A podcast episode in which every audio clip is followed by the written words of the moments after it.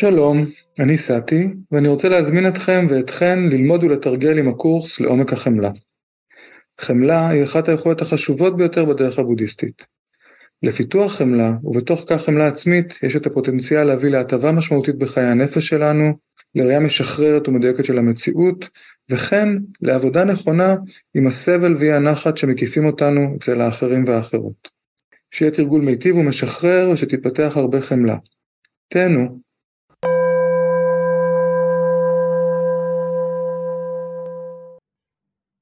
סמאדי. אז סמאדי, איסוף התודעה, ואני רוצה, חלקכן אני פוגש בקורס הזה פעם ראשונה, ואני לא יודע איך אתן מתרגלות. אנחנו שייכים למסורת תובנה, שתובנה, אחד הדברים הכי יפים בה, שתובנה היא בעצם עמותה שהחלטה על דקלה לאפשר דרמה ממסורת הוויפאסנה על גווניה השונים. ויש בינינו אנשים שמתרגלים בצורות מאוד מאוד שונות, חלק מתרגלים אנה פנסטי, תשומת לב לנשימה, חלק מתרגלים תרגול אדואלי, כן, כאילו יש חלק שמתרגלים גם בתוך העולם של הנשימה, מה? אנה, פנה, אנאפנאסאטי. תשומת לב לשאיפה ולנשיפה. זה שם של דרשה מפורסמת של הבודה. אז אצל חלק מאיתנו האובייקט זה הנשימה, ואצל חלק מאיתנו האובייקט הוא, הוא איזשהו היעדר אובייקט, ואצל, כאילו, מדיטציה הדואלית. מי שמתרגל ככה יודע, זה, אם אתם לא מכירות, כל, לא חייבים. חלק, אולי התחילו אצל גואנקה ומתרגלות סריקה גופנית, או, מתרגלות סריקה גופנית מסיבות אחרות, חלק נושמות באף, חלק נושמות בבטן, חלק נושמות ומקטינות את האובייקט, חלק נושמות ולכל הגוף ומגדילות את האובייקט, ואנחנו כולנו מתרגלים בדרכים אחרות. וכל הדרכים, רוב הדרכים, לא יודע אם כל הדרכים, ורוב הדרכים הן טובות. ויש שאלה מעניינת בדרך המדיטטיבית שבחרנו לעצמנו, יש שאלה א', האם היא טובה, ב', האם היא טובה לנו, וג', האם היא טובה לנו עכשיו. זאת אומרת, אני, אני באופן אישי, התרגול המרכזי שלי הוא תשומת לב לנשימה, התרגול הבסיסי שלי, אבל לפעמים נכון יותר עבורי לתרגל מדיטציה הדואלית למשל. יש תקופות ש, שזה מה שאני מתרגל. זה בניגוד לאינסטינקטים שלי, של הרגלים שנבנו במשך שנים, אבל חלק מהסיפור זה גם לדעת איזה מדיטציה מתאימה לי באיזה זמן, ולא להאחז בשיטת מדיטציה הספציפית שלי. עכשיו, מתוך המשולש של הסמאדי, מה שאני רוצה להדגיש היום זה את המאמץ הנכון. כי אה, אם אני מסתכל על תרגול במערב ויש משהו שמדאיג אותי, זה הסיפור של מאמץ נכון. ואני אגיד למה אני מתכוון. המשולש של סמאדי כולל בתוכו תשומת לב נכונה, ריכוז נכון ומאמץ נכון, ואני רוצה להתעכב על המאמץ הנכון, ויריה, אנרגיה, מאמץ, השקעה. מה שקורה לנו במערב, במיוחד בתרגול היומיומי, זה שאנחנו עובדים נורא קשה כל היום, ואז אנחנו מגיעים למדיטציה ואנחנו רוצים לנוח. והרושם של תרגול מדיטציה במערב הוא הרבה פעמים רושם של מנוחה, כן? רואים כאילו, יש תמונות, אם, אם, אם תרשמו בגוגל מדיטציה, אתם תראו כל מיני נשים וגברים יפהפיים, יושבים להם בבליס, כן, כל הפרסומות, וזאת מיסקונספציה מאוד מאוד גדולה לגבי כל מה שקשור לתרגול מדיטציה. זאת לא לגמרי מיסקונספציה, אגב, השקרים הכי טובים יש בהם שורש רציני של אמת. בסופו של דבר, תרגול ויפאסנה הרבה פעמים יוביל לחוויית מנוחה עמוקה, לחוויה של עונג רוחני מאוד מאוד גדול, כאילו, לאותו בליס, זה הרבה פעמים יכול לקרות, כן?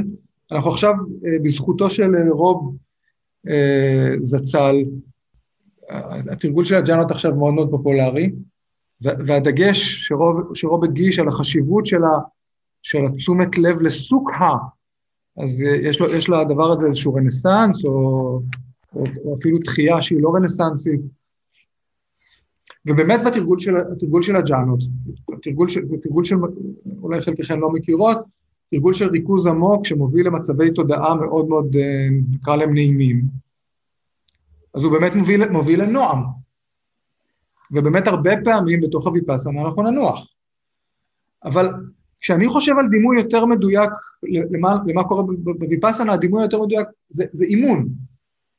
כן, כשאנחנו באים לתרגל ויפאסנה, אנחנו יוצאים לאימון.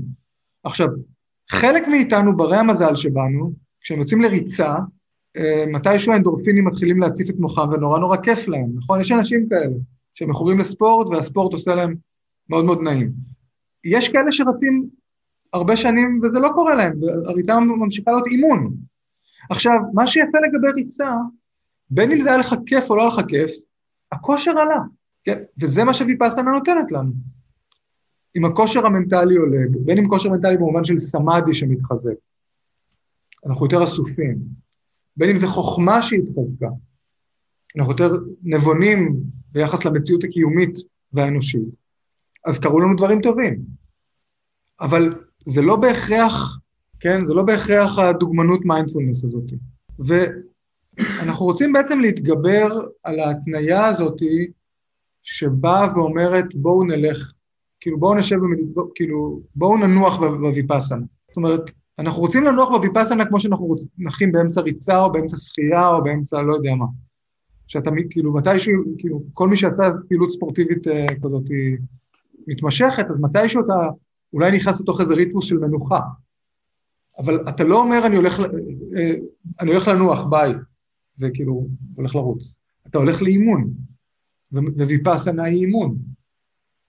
ואימון של התבוננות, ש, ש, שלא מפסיקה.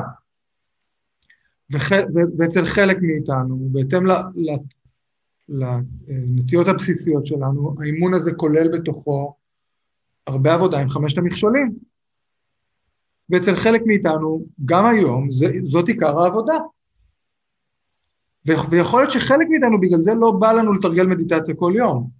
כי זה כל פעם שאני עושה מדיטציה, עוד פעם עם אה, השתוקקות, ועוד פעם עם אברסיה לסוגי השונים, כעס, פחד, חרדה, טה-טה-טה-טה-טה, ספק, עצלות, אה, שעמום, אה, דאגה, תזזיתיות, כאילו לא כיף לפגוש את כל הדברים האלה. ובעצם חלק ממה שקורה הרבה פעמים עם, עם הנטייה שלנו היא כזאת שאנחנו בתוך התרגול של ויפאסנה פוגשים את חמשת המכשולים, אז אנחנו לא כך נרצה לתרגל, בואו בוא נתרגל ממש מעט כדי, כי זה לא כיף. ואז יש את, את החבר'ה האחרים שיחסית מהר מגיעים לנעים. ואז אנחנו עושים את הטעות ש, שאנחנו נחים בנעים. וגם רוב זץ קלה, נכון? אפשר להגיד זכר צדיק קדוש לברכה, ואני לא ציני אגב לגבי זצקליותו של רוב, אם יש למישהו איזשהו ספק. התרגול הוא לא תרגול של לשהות בנעים, התרגול הוא של ברגע שיש את הנעים, כאילו לדעת אותו בהבחנה מלאה, להתבונן בו, ומתוך ההתבוננות בו והידיעה שלו, אנחנו ממשיכים להתקדם. כן, בשביל כל חובבי הז'אן אנחנו מתקדמים מהפיטי אל הסוכה, אל הפסדי, הוא פקע, כאילו אנחנו, אנחנו מתקדמים. וההתקדמות מתרחשת דרך התבוננות, דרך זה שההתבוננות לא מפסיקה, כן? אני ממשיך לרוץ. אז בעצם יש פה אימון, שאני בעצם בא ומפציר בכם להביא לאימון הזה מאמץ נכון. אז עכשיו בואו נדבר על הנכון, כן? על מאמץ דיברנו, בואו נדבר על הנכון. אחת המתנות של המפגש של הבודהיזם עם הטאואיזם היא ההגדרה של מאמץ ללא מאמץ, שזה כמובן אמירה פרדוקסלית. יש מאמץ ויש גם ללא מאמץ, אבל יש מאמץ. והמצב הזה של מאמץ ללא מאמץ הוא באמת, אגב, מצב א-דואלי, כן, לכאורה, מה זה מאמץ ללא מאמץ? הנה, ליאת כתבה לנו את השם ה-way wu way, אבל איך, איך אפשר... ואני רוצה להגיד ש... שהתרגול שלנו הוא תרגול של כיוון מתמיד. אנחנו מביאים מאמץ, ורוב הסיכ... ו... ו... ויש סיכוי טוב שכשאנחנו נתאמץ, נלך לכיוון של מאמץ יתר, ואז כשאנחנו רואים שיש מאמץ יתר, אנחנו מפחיתים קצת, מפחיתים קצת, מפחיתים קצת, ואז אנחנו אולי הולכים לכיוון של מאמץ חסר, ואז אנחנו מגבירים קצת, מגבירים קצת, מגבירים קצת, ואנחנו... והריקוד הזה הוא ריקוד שמתרחש כל הזמן. אבל הנאום פתיחה שלי, המטרה שלו הייתה לא להישאר בנמוך, לא להישאר ב, כדי להיות במאמץ ללא מאמץ, בעצם כאילו להיות בה ללא מאמץ. כן, ואני יכול להגיד לעצמי, טוב, ישבתי, אני זקוף, אני נושם, זה המאמץ, ומעכשיו מה שיקרה יקרה. אז אני בעצם בא ואומר, לא לפחד ממאמץ יתר, ולא לפחד מהסימפטומים של מאמץ יתר. מה הם הסימפטומים של מאמץ יתר? סטרס. ואנחנו הרי בעניין פה של stress reduction. לא, זה לא אנחנו. גם, בתוך, בתוך הוויפאסנה, גם אצל ג'ון קבטזין, אבל בתוך הוויפאסנה, אנחנו לא רוצים להימנע מסטרס. אם כאשר אני אומר לעצמי, קדימה, שרון, תתאמצי, לא, זה שרון אומרת לעצמה, אני אומר לעצמי, קדימה, סעתי, תתאמץ. אם כשאני אומר לעצמי, קדימה, סעתי, תתאמץ, עולה סטרס, אז אני צריך ללמוד את הסטרס הזה, לראות אותו בצלילות, לחקור אותו, מהו סטרס. ו- ומתוך החקירה שלו, אני לראות אותו מתפוגג, או לא, או ללמוד לקבל אותו, בשלב ראשון. ואני לא רוצה לתת לפחד שלי מהסטרס לנהל אותי. מה גם שאגב, כאילו האבסורדיות פה, תראו, בשביל רוב האנשים, אנחנו בעב, כל הבוקר בעבודה בסטרס, ואז כשאנחנו מגיעים בערב למדיטציה, אנחנו טוב, עכשיו אסור סטרס. עכשיו אנחנו במנוחה. אבל כל היום הרשיתם לסטרס להיות. ומתי אתם רוצים להתבונן עליו אם לא במדיטציה? כאילו, אף פעם? כן? במשך היום אני עסוק מדי כי אני עובד. ואז בערב אני לא רוצה סטרס, אז מת, מתי חוקרים את הסטרס? אז, אז אני בא ואומר ש, ש, שמבחינתי מאמץ יתר הוא לא בעיה. כאילו, אם מתרחש מאמץ יתר והסטרס עולה יופי, אז בואו נחקור אותו. ואצל כל אחד, אגב, הפחדים שלנו הם לא רק מסטרס, אני התחלתי מסטרס, אבל חלק מאיתנו מאוד מאוד הישגיים. וברגע שאני מביא אה, איזושהי אנרגיה ומאמץ לתוך המדיטציה, אז ההישגיות באה איתה לתוך המדיטציה, ואז אנחנו צריכים לעבוד במדיטציה על הישגיות. אבל איפה נעבוד על הישגיות, על התבוננות בהישגיות, ועל הריקוד של ההישגיות, ועל הנאטה וההישגיות, איפה נעשה את זה? לא במדיטציה. כן, אם אנחנו משאירים תופעות שכל כך רווחות ביומיום שלנו מחוץ לגדר של המדיטציה, איפה נתבונן עליהן? אז אני בעצם בא ומזמין אתכם בתרגול היום ובתרגול ביום שישי להרשות למאמץ יתר להיות שם, להרשות לתופעות שקשורות למאמץ יתר, ואגב, הן מאוד מגוונות. כן, כל, כל חמשת המכשולים יכולים להופיע סביב מאמץ יתר. ספק, חרדה, פחד, הכל יכול להופיע. כן, מאמץ יתר עושה את כל הדברים האלה ביחד. כן, כל שינוי במדיטציה שלנו מעלה מחדש את חמשת המכשולים. ואנחנו רוצים לראות את זה, לדעת שזה עלה, להיות בתשומת לב לזה, לחקור את זה, ולנסות לקבל את זה. זה האלגוריתם. תשומת לב, חקירה, ואז אה, אה, לפעמים מתוך החקירה זה קצת יורד, אבל לא משנה אם זה ירד או לא ירד, אחרי, אחרי זמן מסוים של חקירה, כשהחקירה ממצה את עצמה, יש פשוט להיות עם זה. פשוט, אוקיי, יש סטרס, אני, אני ממשיך עם התרגול שלי. יכול להיות שזיהיתי סטרס בגוף, יכול להיות שאני מרגיש סטרס בבטן, כאילו, כן, אני מרגיש סטרס. אני אומר, אוקיי, סטרס, חקרתי אותו. חקירה, אה, שואלים פה איזה סוג של חקירה, תכף אני אגיד. חקרתי אותו, עכשיו אני ממשיך לתרגל איתו. אני לא נותן לו להפסיק אותי. ותכף תבין, אוקיי, אני עכשיו מבין את הפרדוקס. אמ, ויש פה איכות של קבלה. זה, זה השלב הראשון, הלהיות איתו זה, זה השלב הראשון של קבלה. עכשיו, גל שואלת, איזה סוג של חקירה? כשאני מדבר על חקירה בתוך הוויפאסנה, אני מדבר על חקירה של גוף תודעה, ו- ויש בה אלמנט מאוד מרכזי של גוף. כן, סטרס אני יכול להרגיש בבטן, יכול להרגיש במפתח הלב, יכול להרגיש בחזה, יכול להרגיש בכתפיים, ובעצם כמעט בכל מקום בהתאם למבנה הספציפי שלי של גוף תודעה. כן, כמובן, חרדה, בלה, כל הדברים האלה, אני יכול... והרבה פעמים אנחנו לא אוהבים, כן, אם, אם יש לי פתאום כזה לחץ בבטן, אני לא אוהב את זה. אני, ואז אני בתשומת לב לסטרס, נגיד שזה בבטן, אני נושם נשימות עמוקות, יש לי איזו תקווה שעם הנשימות העמוקות הסטרס ייעלם. אבל ולפעמים הוא נעלם, לפעמים פשוט נשימות עמוקות, כמה נשימות עמוקות. עכשיו, אני רוצה לבקש מכם, רגע לפני הנשימות העמוקות, לפני שאני מנסה לפוגג את הסטרס, קודם כל להיות איתו. קודם כל, ללכת לחקירה של הדבר הזה. להפסיק לחשוב על זה כבעיה. כן? יש סטרס. כאילו, להפסיק לחשוב על זה כבעיה. גל שואלת האם זו חקירה תחושתית בלבד, עם, עם uh, הרפאיה מה, מהמחשבות והרגשות שגרמו לחוויה הגופנית לעלות. אז אני תכף אענה לשאלה שלך. אני, אני אסיים את מה שהתחלתי קודם. התחיל, עלה סטרס, או כל מצב מנטלי אחר. אני רגע אחד נוכח איתו, מתבונן עליו, חוקר אותו, תכף נדבר על החקירה עוד, אבל אני, חוק, אני חוקר אותו גם תחושתית וגם, וגם תודעתית. תכף אני ארחיב על זה.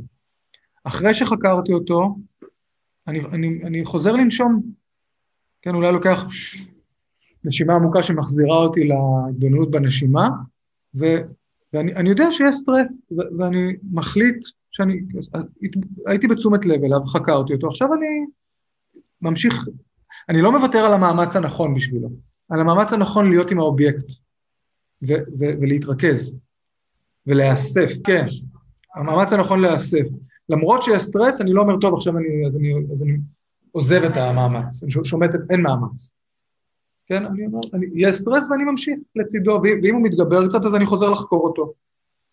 מסיים לחקור אותו, חוזר לנשימה, או לאובייקט האחר שלי. עכשיו, כשהחקירה היא חקירה פסיכופיזית, זאת אומרת גופנית ונפשית, גופנית ותודעתית. אם עלה סטרס, אני כבר יודע ש, ש, שאולי יש איזשהו קשר לזה שהבאתי מאמץ לתוך התרגול. הבאתי איזושהי מטרתיות לתוך התרגול. חלק מאיתנו סולדים ממטרתיות בתרגול, כי זה מעורר סטרס, או כשאני אומר סטרס, כל המכשולים, כן? אז חלק מהם סולדים מלשים מטרות לתרגול, או להביא מאמץ לתרגול, כי זה ישר כאילו מעלה משהו. אז אנחנו בכל זאת מנסים, ואנחנו רואים את הקשר, אנחנו רואים את הסיבה והתוצאה. אני רואה איך ברגע ששמתי מטרה, והתעוררה שאפתנות, התעורר איזשהו, איזשהו פחד שאני לא אצליח, כן?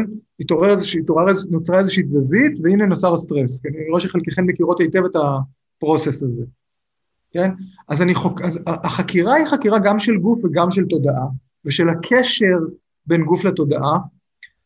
אני אגיד לכם אבל מה היא לא. היא לא הרבה הרבה מחשבות על זה. יש כאן קצת, יש כאן קצת מחשבה כמובן, כן, מה שאמרתי עכשיו, אה, אה התכווננתי למאמץ, ועלתה בי המחשבה אני חייב להצליח, ואז, ואז התחיל כאילו איזשהו לחץ בבטן, ואז אמרתי לעצמי, תפסיק לחשוב ככה, ואז כאילו, כן, אני, אני רואה את הקשרים בין, אני כאילו, בין גוף לבין תודעה, אבל אני מתבונן על זה כ, כעל אירוע שקרה, ועל קשרי סיבה תוצאה, ולא הולך להתחיל לחשוב על זה עכשיו שעה. אני יכול לחשוב קצת, חמש נשימות, זה הרישיון, כמה לחשוב, אבל לא מעבר לזה. זאת אומרת, בעיקר חקירה של אני ממש רואה איך, איך, איך תופעות של גוף תודעה מתקשרות אחת עם השנייה. כן? עלתה מחשבה, אני חייב להצליח, על הזה, או אין לי סיכוי, כן? איזה באסה שסעתי, שאין לה הנחיות, כל הדברים האלה, ואני רואה את, ה, את, את, את איך, איך המחשבות האלה מעוררות דברים בגוף. אז זאת פחות או יותר החקירה. ואני אוסיף נקודה אחרונה, ו, אה, שהיא נקודה כזאת. חלק מהסיפור הוא שאנחנו בעצם רוצים לדעת שלתרגול של הוויפסנה יש פירות טובים. אנחנו רוצים לדעת את זה. סמאדי זה, זה פרי טוב אחד, התודעה יותר אסופה, אנחנו יותר יציבים, זה פרי אחד. בתוך, כשאנחנו, כשאנחנו אסופים ויציבים, אז אנחנו גם יותר רואים דברים נכוחה בעולם ומתפתחת חוכמה, כן? זה דבר שני. יש פירות של, של, של הוויפסנה, שזה פירות של להגיע לאותו עונג רוחני שדיברתי עליו קודם, ו, ו, ו, וחלקנו אולי עוד לא מצאו אותו, אבל, והוא שם, כן? עכשיו, הייתם יכולים להגיד לי, למה אתה אומר לנו שזה שם? עכשיו אני בלחץ להגיע לשם, כן? אז העניין הוא לדעת שיש, שיש את הפירות מבלי להיאחז בהם. אני יודע שיש, שיש לוויפסנה פירות, הרי בשביל זה אני מתרגל אותו. ואני יודע שהם פירות טובים, פירות ממש ממש טובים, ואני רוצה אותם. ומן הסתם, במצב האנושי, כשיש פירות טובים שאני רוצה מאוד, תעלה השתוקקות, ובצורותיה השונות. אני רוצה לראות את הפירות ולרצות אותם ולהרפות מזה. זה התרגול כל הזמן. אני רואה, אני שואף, ואז אני מרפה. ואני מתרגל מתוך מאמץ נכון, ואני מרפה. מאמץ לא נכון מצד אחד מאמץ חסר, כן, שאני מביא איזשהו מאמץ, אבל uh, שבע, כאילו לא יותר מדי. אוקיי, אני אגיד את זה ככה, יש לדלי למה uh, פסקה נורא יפה בהתמרת התודעה, שהוא אומר, אצל הטיבטים, uh, אם, אם אצלנו יש את חמשת המכשולים, הוא בעצם מדבר על, על המכשול הרביעי, הרביעי של עצלות, והוא מדבר על זה כעל קהות. יש מצב בתוך המדיטציה שאני יושב ואני זקוף, יש איזושהי ערנות, יש איזשהו נועם, אני עם הנשימה, ותוך כדי זה חושב לי מחשבות, קצת כן, קצת עם הנשימה, קצת נודד, אבל יש איזה סבבה כזה. והדלי למה מדבר מפורשות על המצב הזה כ- כמכשול. זה כאילו להישאר באיזשהו מרחב נעים, שאין בו באמת חיוניות, הוא לא חיוני, הוא, הוא סבבי כזה. עכשיו, צריך להגיד, בשביל מתרגלים צעירים, להגיע לסבבי הזה זה דבר נפלא. אגב, אולי גם בשביל חלק מאיתנו. אולי חלק מאיתנו לא, לא חוו את הסבבי הזה. אבל אם אנחנו... זה, זה לעשות ג'וגינג, להבדיל מריצה.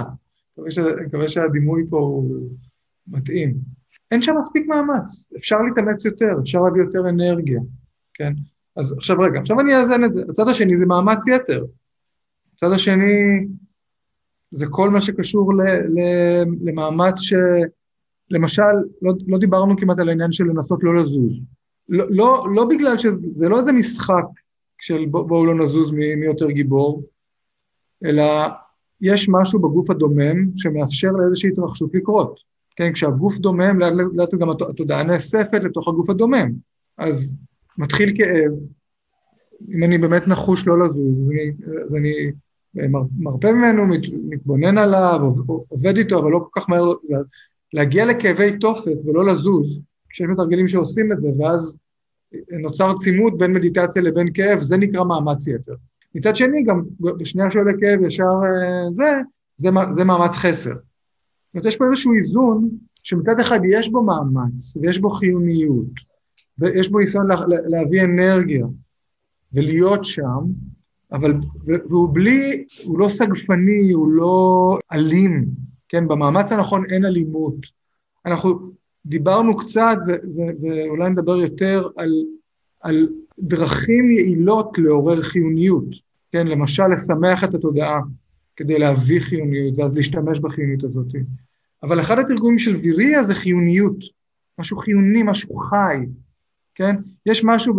כן, אם אני יושב עם הנשימה ככה, זה... כן, נעים לי, אני לא, לא, לא, לא, לא נפלתי לגמרי, אבל אני, גם פיזית, המאמץ יתר, מאמץ חסר, כן, וזה, וזה לא כל כך קיצוני אצלנו, כי אנחנו כולנו מודעים לגוף שלנו, ואנחנו לא הולכים לשם ואנחנו לא הולכים לכאן, אבל אנחנו כן מכירים את זה במדיטציה, שהתודעה שלנו כאן וכשהתודעה שלנו כאן. תראו, אני, אני אספר סיפור משעשע, לדעתי. גואנקה ג'י, המורה הנודע, לדעתי הקורס שלו בנוי, פחות בנוי למתרגלים הערביים, מאוד מאוד מותאם למזרח, והוא למשל אומר בתרגול, אתם חייבים להצליח, אתם חייבים להצליח, אתם חייבים להצליח. אתם צריכים להתאמץ, אתם חייבים להצליח. עכשיו, אני, אני תרגלתי אצלו כשהייתי בערך בן 22, אני לא בטוח שהבחנתי בינו לבין מאמן הכושר הקרבי שלי לפני הצבא, ו, ו, ואפשר ממש לראות בקורסים של גואנקה, במיוחד על גברים צעירים, בלי להגיד, אה, אתם חייבים להתאמץ. כן, אתה נכנס להקשב כזה, כן? עכשיו, אני לא חושב שגואנקג'י מתכוון ככה. אני לא חושב שזאת הכוונה שלו. אני חושב שהוא אומר, אתם חייבים להצליח, אז הוא מנסה, אני, נדמה לי שהוא מנסה להגיד, אם תתרגלו טוב, בסוף תצליחו, זה חייב לקרות. אבל כשזה תורגם לאנגלית, you are born to be successful, כן? אז, אז, אז זה מגיע למאמץ יתר, ממש פיזי, ממש פיזי, ממש באיזשהו מתח, כן? באיזשהו, שנמצא בגוף. ואני חושב שגואנקג'י, הסיפור המשעשע זה שבאחד הקורסים ישבתי, ישבתי בנפאל, וזה היה פשוט משעשע לראות, כאילו, מאחור, הנפאלים ישבו מאחורה, תפסו את הקיר, והם יש, אה, כאילו, גואנקה, אתם חייבים להצליח, אתם חייבים להתאמץ, והם כזה יושבים כזה בסבבה שלהם, כאילו, לא, לא נראה שמשהו יגרום להם להתאמץ, והמערבים לעומת זאת, כל פעם שאומרים אתם צריכים להתאמץ, אז כזה, כאילו כמעט תדקרו את התקרה של האולם מרוב מאמץ. אז אני, אני באמת חושב ש, שלאנשים עם מאמץ חסר זה, זה יכול להיות טוב, ואנשים עם, עם, עם, עם, עם פרפקציוניזם אפריורי זה מסוכן. לעומת זאת במערב, ההנחיה, בגלל שאנחנו עובדים עם התודעות המערביות, הפרפקציוניסטיות, ההישגיות, טה-טה-טה-טה-טה, אנחנו כל הזמן אומרים, תהיו רכים עם עצמכם, קבלה רדיקלית, תקבלו, הכל בסדר, תרפו, וזה עלול להיות misleading ולהוביל למאמץ חסר. אז אנחנו מחפשים איזשהו אמצע, אמצע שמנסה לשמר חיוניות ולתת לה לחיות, ואמצע שיודע שוויפאסנה זה לא ג'וגינג. כן, אנחנו בספורט, לא, לא נקרא לזה ספורט תחרותי, אבל אנחנו רוצים לרוץ מהר. אנחנו רוצים, אנחנו רוצים, שתוד... אנחנו רוצים ששרירי התודעה שלנו יתחזקו, ואנחנו רוצים ש... שיהיו אסופים, ואנחנו רוצים אולי לתרגל ג'אנות, מצבי ריכוז עמוקים, ואנחנו רוצים שהתודעה תהיה מספיק מרוכזת כדי שתראה את המציאות בצלילות, וכדי לראות את הריקות אנחנו צריכים ריכוז. אנחנו רוצים את כל הדברים האלה. ואנחנו גם יודעים שהם אפשריים לנו, ובשביל שזה יקרה אנחנו צריכים חיוניות. ו- ואגב, כש- כשאנחנו מבינים את זה, יכול להיות, אני, אני, גם נוצר בנו הרצון ללמוד, ל, ל, ל, לשפר את הטכניקה שלנו, הטכניקה המדיטטיבית. ואני אגיד דבר אחד על הטכניקה, במסורת של מהסי אומרים, ואני, ואני אישית מהחוויה שלי זה נכון, יש שלב אה, בתרגול שנקרא שלב הערפל בצלילות. וזה מצב אה, שבו אני, אני מתחיל לתרגל, מתחיל להיווצר סמאדי, התודעה מתחילה להיאסף, ואז פתאום יש ערפל. עכשיו, אם אני לא יודע את זה, אז אני לא מבין מה קורה לי. לא, אני לא מבין למה פתאום, למה פתאום אין ריכוז, אני גם לא יודע איך לצאת מהערפל, אני נתקע בערפל. ואז אולי אני, אולי אני מפסיק, לת... אגב, זה קורה הרבה פעמים אחרי ריטריט. כי בריטריט אנחנו מגיעים לאיזו רמה של ריכוז, ואז כשאנחנו קצת חוזרים אחורה, אנחנו מגיעים לנקודה של הערפל. ואם אני לא יודע על הערפל בצלילות, אז אני לא יודע איך, איך לחצות אותו ומה לעשות איתו ביום-יום. כן, אני, אני רוצה לשפר את הטכניקה שלי. יש פה טכניקה. יש פה טכניקה של איסוף התודעה. הבודה לימד גם טכניקה של איך לעבוד ועל מה להתבונן, כן? הבודה וכל ממשיכיו. ואנחנו רוצים לשמור על חיוניות סביב תרגול הוויפאסנה שלנו, כן? עכשיו, אל תבין אותי לא נכון, אני חסיד גדול, לא יודע אם שמתם לב, של תרגול איכויות הלב. ואני האחרון שאגיד שלתרגל 15 דקות ויפאסנה ואז לעבור לאיכויות הלב זה לא בסדר. אבל גם ב-15 דקות של הוויפאסנה, אנחנו רוצים שתהיה חיוניות, אנחנו לא רוצים שזה משהו ש... שאנחנו עוברים דרכו באיזשהו ערפל נעים כזה של חצי ריכוז, חצי לא, לדוגמה. מקווה שזה הבהיר קצת. שאלה, נדמה לי שיש פה בקשה לדבר על, על איך מאמץ נכון משפיע על ההתמדה שלנו בתרגול ביום-יום. לפעמים ג'וגינג זה נהדר, כן? לפעמים אני, צר, כאילו, לפעמים אני צריך לשהות למשך זמן, לפעמים ארוך, בתוך ג'וגינג, כדי לבנות את הכושר הבסיסי, גם בג'וגינג בונים כושר, כן? אפילו ההרגל לשבת, ההרגל לשבת זקוף, ההרגל בתשומת לב לנשימה, אז ג'וגינג לפעמים יכול להיות מאוד מאוד מתאים, ובשלב מסוים אפשר גם לעבור הלאה, כן, אה, אה, וזה דבר אחד. מאמץ נכון ולא נכון יכולים להוביל לשני מקומות סביב התרגול ביום-יום. מאמץ יתר, אם, אם אני במאמץ יתר, שקשור אולי גם נגיד לאיזשהו פרפקציוניזם וכולי, אז התרגול יחווה כמאמץ נורא גדול, ו, ואולי או, ש, או שהוא יביא מתח גדול איתו, או שהוא יביא איתו כל הזמן מדידות, ו, ואני מצליח, אני לא מצליח, וספקות וכולי וכולי, ואז התרגול יהיה, יהיה מצומד לחוויה לא נעימה, כן? ואז אני לא רוצה יותר לרוץ. בשביל בן אדם כזה, את יודעת מה ענבל? בואי, בואי, בואי קחי עכשיו חצי שנה תתרגלי ג'וגינג, תתרגלי לרוץ כל יום, ובעוד חצי שנה נדבר על איך להביא יותר חיוניות לתרגול שלך, אוקיי? אז מאמץ יתר יכול להביא לשם, הוא יכול להפוך את המדיטציה לחוויה לא נעימה, כן, של מתח, של לחץ, של וכולי וכולי. מאמץ חסר לעומת זאת, עלול להפוך את המדיטציה לסתמית. כן, אני יושב, נעים לי, בסדר, נעים לי, כאילו, אז מה? יותר נעים לראות נטפליקס. כאילו, אתה, המאמץ לעשות מדיטציה, אתה, אתה רוצה לראות איזה שהם פירות של המדיטציה, אתה רוצה להרגיש שיש בזה טעם, אתה רוצה להרגיש שזה עושה משהו. אם אני, ג'וג, אם אני עושה ג'וגינג כשהגוף שלי כאילו בנוי למעבר לזה, אני לא ארגיש שזה, מש, שזה משנה משהו ביומיום שלי. ו, ו, ו, וזאת השפעה אפשרית למשל של מאמץ חסד. יש עוד דברים, אבל אה, נדמה לי שנסתפק ב... יש דברים בחיים שהם נורא מיטיבים, ואנחנו לא עושים אותם. אנחנו, כאילו, ואגב, וחלק מהסיפור של למה קבלה רדיקלית כן חשוב, כי, כי לכולנו יש רשימה של דברים שאם רק היינו עושים אותם, אז החיים שלנו מושלמים. אם היינו עושים טיפה יותר ספורט, טיפה יותר מדיטציה, טיפה יותר זה, טיפה יותר זה, אז הכל היה מושלם, וכאילו, כמעט, כמעט אף אחד לא מצליח, וכולם שונאים את עצמם על זה. אז, אז, אז יש פה איזושהי סכנה בלהפוך את המדיטציה לעוד משהו שהוא מקור לקונפליקט פנימי, שבו אני לא בסדר. כן, כאילו זה כמובן מסוכן. מצד שני, אנחנו כן יודעים בצלילות, כן, והיום ברוך השם יש גם 7,000 מחקרים אמפיריים שמוכיחים שתרגול מדיטציה עושה טוב, אוקיי? אנחנו גם יודעים את זה מתוך עצמנו וגם אנחנו, ולמרות שאנחנו יודעים את זה מתוך עצמנו, אנחנו נהנים לקרוא את המחקרים שמזכירים לנו שזה טוב. והסיפור הוא שבשביל הרבה אנשים הסיפור הזה של לטפח תרגול יומי זה נורא נורא קשה. עכשיו, מה עושים? יש, אז יש כמה דברים שאפשר לעשות. אפשר, אם, אם, אני, אם, אם זה נחווה עבורי כמטלה, אז יכול להיות שעדיף לי לתרג... עם, עם תרגול שהוא בסגנון ג'וגינג, הוא, הוא, הוא נחווה לי כסבבה, אז אולי אני, אז אני אעשה ג'וגינג. ואני אקח את מה שגל אמרה קודם, אם אני מוצא לי meditation partner, כאילו, חב... למה באנגלית? לא יודע. אה, עמית למדיטציה, עכשיו הבנתי למה, עמית למדיטציה, כן, והיום אפילו בזום, שאני קובע, אפרת, את ואני כל יום 11:00 עושים מדיטציה ביחד, זה הופך להיות משהו אחר קצת, זה הופך להיות משהו נעים כזה. אני, לפני 20 שנה כמעט ולא היו, כאילו, כמעט ולא היו קבוצות ישיבה בארץ. אני זוכר את הפעם הראשונה שבאתי לקבוצת ישיבה, וזה כאילו היה נפגשים, שותים תה, מדברים על המדיטציה, ולפגוש עוד אנשים מוזרים שעושים מדיטציה, זה כזה וואו, כן? אז להפוך את זה לאירוע חברתי, כן? להירשם לקורסים, כן? ואגב, תחשב, זה, זה נשמע נורא נורא מוזר, אבל זה מה שאנשים עושים עם ספורט. אני יודע שספורט טוב, אני לא מצליח להביא את זה לעשות ספורט, הרי למה צריך קבוצות ריצה? למה אני צריך את כל האנשים האלה שכאילו, ש, שרצים מסביבי? כאילו זה בני אדם, זה לא... כן?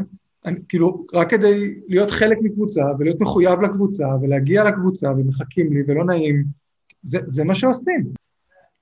אגב, נסים מאוד שזה לא יומיומי, אם, אם אני באמת רוצה לטפח, אנשים שרצים בקבוצת ריצה רצים פעמיים בשבוע, אנשים שמתאמנים לקראת מרתון, וזה, וזה אנחנו, מרתון של התעוררות, אז אנחנו רוצים להיות בקבוצה שרצה כל יום, כן? של, של קבוצות ריצה שהן יומיומיות.